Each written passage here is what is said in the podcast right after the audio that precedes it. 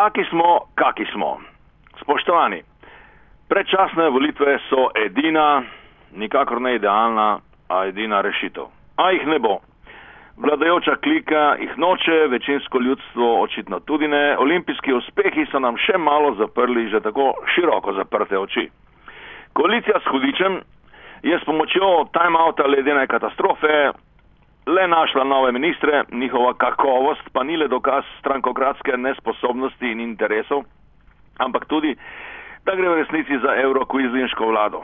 Gospod Dragonja je simbol nepotrebne, a Evropi obljubljene prodaje dobre domače firme tujcem. Nova ministrica zdravja seveda nič več ne govori o prihranku 500 milijonov z udarcem po pohlepnih dobaviteljih. In tako dalje.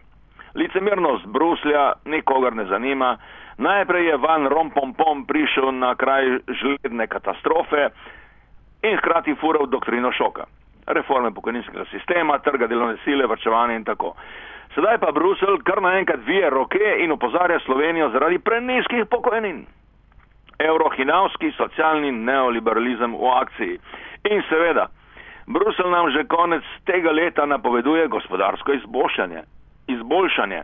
Ampak, ampak, nezaposlenost bo pa še kar rasla. Skratka, klasična globalno zadnje čase normalna jobless recovery zgodba, gospodarsko oživitev brez novih delovnih mest. Tako se lahko uvede nova tehnologija, odpuščajo delavci, neoliberalna globalizacija ostaja enaka. In tudi vrčevati bo seveda še treba. Tovariši, ali smo res vsi voli? Očitno smo, vsaj velika večina. No, ampak je pa tu treba nekaj dodati. Moram zaradi kolikor toliko dobre vesti. Z vrčevanjem samim zame na, ni nič narobe.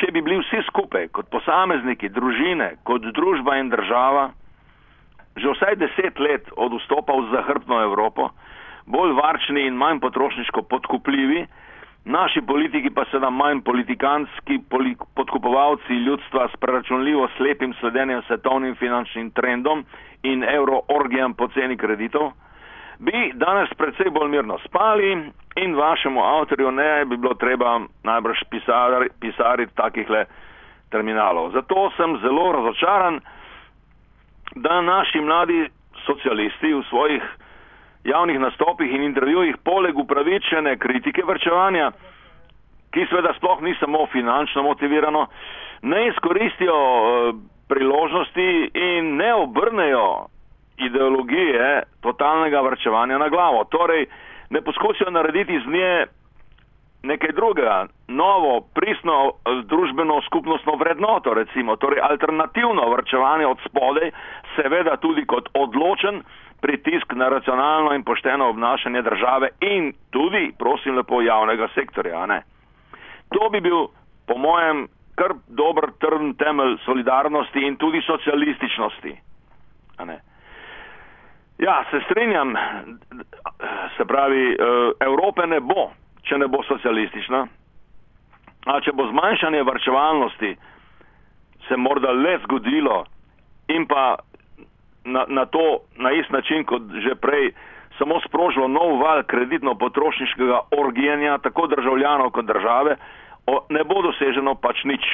Le kmalo spet nova kriza in potrditev seveda Marksa, da se kapitalizem ohranja prav skozi krize, kar že davno vemo, a očitno tega vedenja mi, ta levi, nekako ne znamo in ne znamo obrniti v, kriz, v, v prid naše stvari.